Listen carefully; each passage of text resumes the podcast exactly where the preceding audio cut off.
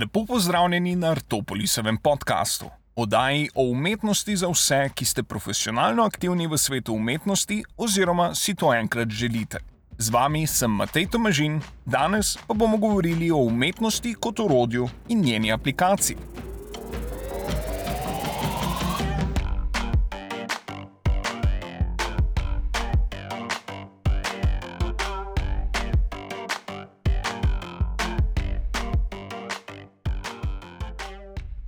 Prejšnjih poglavjih smo naredili osnovno analizo vseh treh segmentov umetnosti: vprašanje gledalca, izdelovalca in produkta umetniškega dela.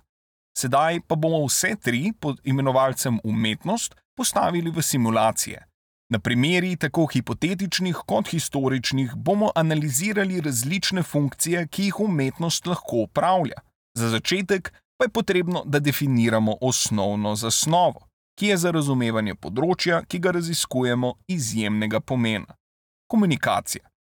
Pojav komunikacije lahko ironično zelo preprosto umestimo v simulacijo, ki temelji na lingvističnih pravilih, preko katere je mogoče videti kontekst pojava in s tem potrebe po obstoju le tega.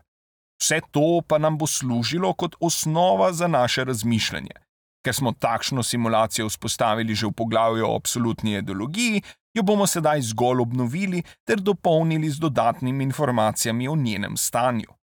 Kot smo prej opisali, se v naši simulaciji znajde posameznik, ki de facto ne more nositi svojega klasifikatorja, če ne obstaja v relaciji še z vsaj enim njemu neenakim posameznikom, saj sta oba posameznika definirana pod pogojem, da pri obeh ne gre za enak pojav.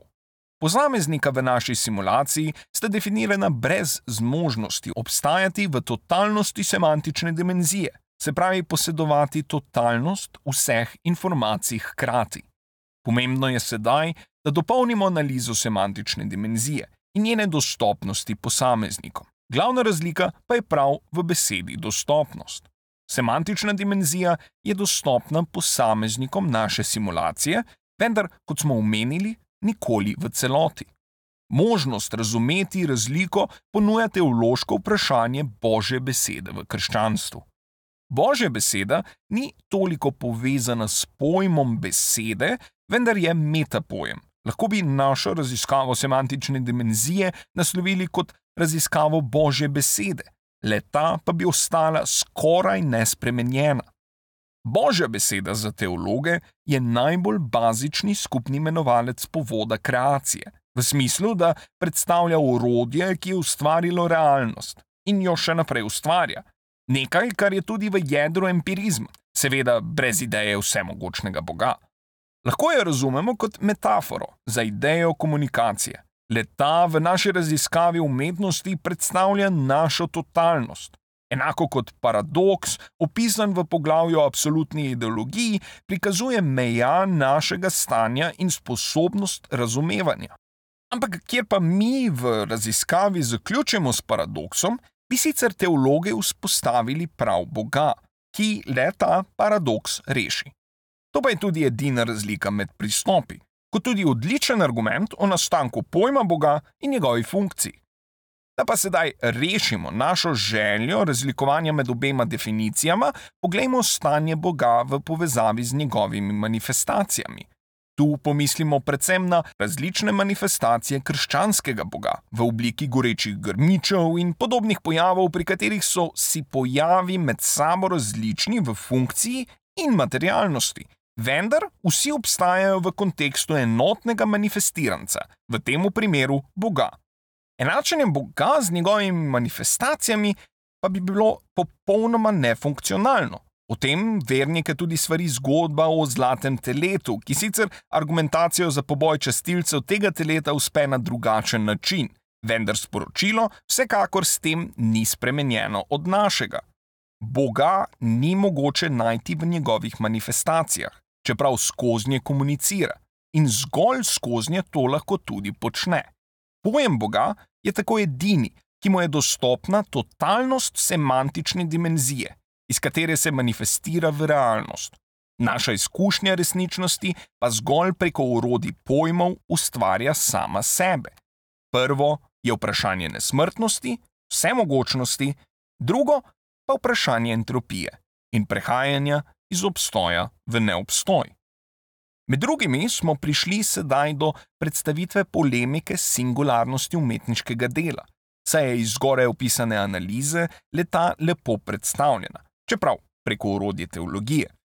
Če v primeru prehajanja Boga iz semantične dimenzije v resničnost le tega zamenjamo s pojmom umetnost, pridemo do podobne ugotovitve. Seveda, tokrat v polju umetnosti. Umetniški predmet nikoli ne govori o naravi umetnosti same, le ta je zgolj pogled v določene aspekte pojma umetnosti. Pojem sam pa, obstojujoč po identičnih pravilih kot pojem Boga, venomer ostaja nedosegljiv v svoji totalnosti. V tok razmišljanja sedaj ustavimo tekst Art in an Expanded Field umetnostnega teoretika Noela Carola ki analizira argumentacije na podlagi treh različnih avtorjev teorij v vprašanju zmožnosti prepoznavanja umetniškega dela. Leti so pristopa družinske podobnosti v umetnosti in odprtega pojma umetnosti, najbolje predstavljen na strani avtorja Morisa Vajca, pristop množičnega pojma umetnosti, zagovornika Berisa Gauta in pristop življenjskih oblik umetnosti, avtorja Richarda Volheima. Weitz v svojem članku The Role of Theory in Aesthetics zagovarja popolno nezmožnost definiranja potrebnih in zadostnih, dojemljivih lastnosti umetniškega dela strani filozofov in teoretikov. Citiram: Razsežen in pustolovski značaj umetnosti. Njene venomer prisotne spremembe in izvirne kreacije naredijo zagotovitev logične definicije katerekoli izmed njenih lastnosti nemogočo. Vajc kot rešitev za nezmožnosti najti definicijo v posameznem umetniškem delu predstavi teorijo družinskih podobnosti, ki predlaga analizo in prepoznavanje umetniških del preko formalnih podobnosti in drugih povezav med različnimi deli. Tako lahko, na primer, pozna dela Marka Rotka razumemo kot umetniška zgolj zaradi vseh ostalih umetniških del, ki jih je umetnik naredil, recimo njegova simbolistična dela ter vseh starejših simbolističnih del, kot tudi vseh del ameriškega abstraktnega ekspresionizma in podobno. Carroll pa tehno kritizira Vajcev pristop, predvsem njegov predlog odprtega pojma umetnosti, ki predpostavlja nezmožnost definicije umetniških pojavov. Izpostavi, da če je, kot Vajc pravi, umetnost kreativna in konstantno odprta do inovacij, naletimo na težavo v vseh zgodovinskih obdobjih kjer le to ne drži. Carroll predloži primere kitajske umetnosti, srednjega veka in obdobje vlade faraona Ehnatona v antičnem Egiptu, kjer je bil cilj umetnosti ravno nasprotno Vajcovem predlogu. Prav tako poudari problematiko ideje kreativnosti, kjer, sklicujoč se na Arturja Danta v njegovem delu Transfiguration of the Commonplace in na delo Institutional Theory of Art, avtorja Georgea Dickija, predlaga nepomembnost ideje kreativnosti za definicijo umetniškega dela, saj jo niti Danto, niti Diki ne vključujeta v svoje povezujoče se poglede na umetniško delo. Zagovarjata namreč, da je vse lahko umetniško delo. Carol nadaljuje svoje razmišljanje o Vajcu in njegovi teoriji odprtega pojma umetnosti z ugotovitvijo, da takšen pristop ni funkcionalen, saj Vajc ne poda nobenih tehničnih predlogov, karakteristik, ki naj bi diktirale modus operandi koncepta družinskih podobnosti umetnosti. Če bi Vajc le te bolj jasno začrtal, pravi Carol, bi avtor sam kontriral svoji tezi nedefinicije umetnosti, saj bi kot takšna potrebovala določene definirane točke, po katerih bi lahko gledalec razbiral družinske podobnosti med deli ko bi le ta evalviral novo delo in njegov potencialni umetniški status. Druga teorija, ki tudi temelji na nedefiniciji umetnosti, je pristop množičnega pojma umetnosti, avtorja Berisa Gauta. Citiram: Primer množičnega pojma je resničen v primeru pojma zgolj, če ima ta pojmovne lastnosti, katerih reprezentacije objekta so nujne za konceptualizacijo letega.